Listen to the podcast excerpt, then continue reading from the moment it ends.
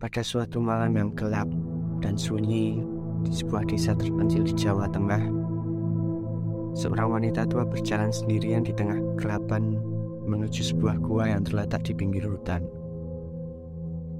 Wanita tua tersebut adalah seorang dukun yang terkenal dengan kemampuan supranaturalnya yang mampu berkomunikasi dengan roh dan makhluk goib. Setibanya di gua, wanita tersebut mulai melakukan ritual dengan membakar kemenyan dan mengucapkan mantra-mantra kuno yang diwariskan oleh para leluhur. Tak lama kemudian, sebuah kehadiran misterius muncul di hadapannya.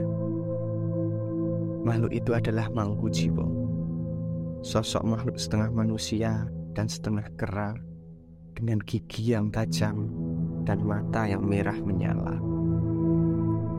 Wanita tua tersebut meminta bantuan Jiwo untuk membantunya menyelesaikan masalah yang rumit dan sulit untuk diselesaikan dengan cara biasa.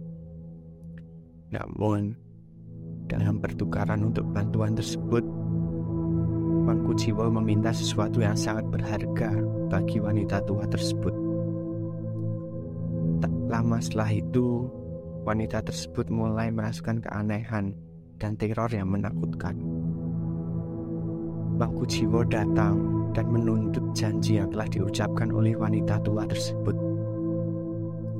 Setiap kali wanita tua tersebut menolak, Mangku Jiwo semakin marah dan menimbulkan teror yang semakin mengerikan.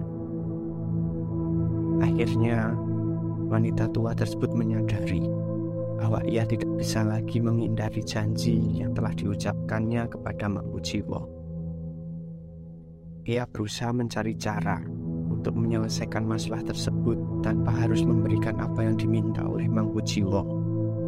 Namun, semuanya sia-sia. Ketika malam hari tiba, Mangku Jiwo akhirnya datang lagi dengan ancaman yang lebih serius. Wanita tua tersebut harus menyerahkan apa yang diminta oleh Mangku Jiwo atau harus siap menerima konsekuensi yang mengerikan. Wanita tua tersebut akhirnya menyerah dan memberikan apa yang diminta oleh Mang Fujivo. Namun, ia tidak pernah kembali ke gua tersebut lagi. Sejak saat itu, desa tersebut selalu dirundung oleh teror dan misteri yang tak terpecahkan.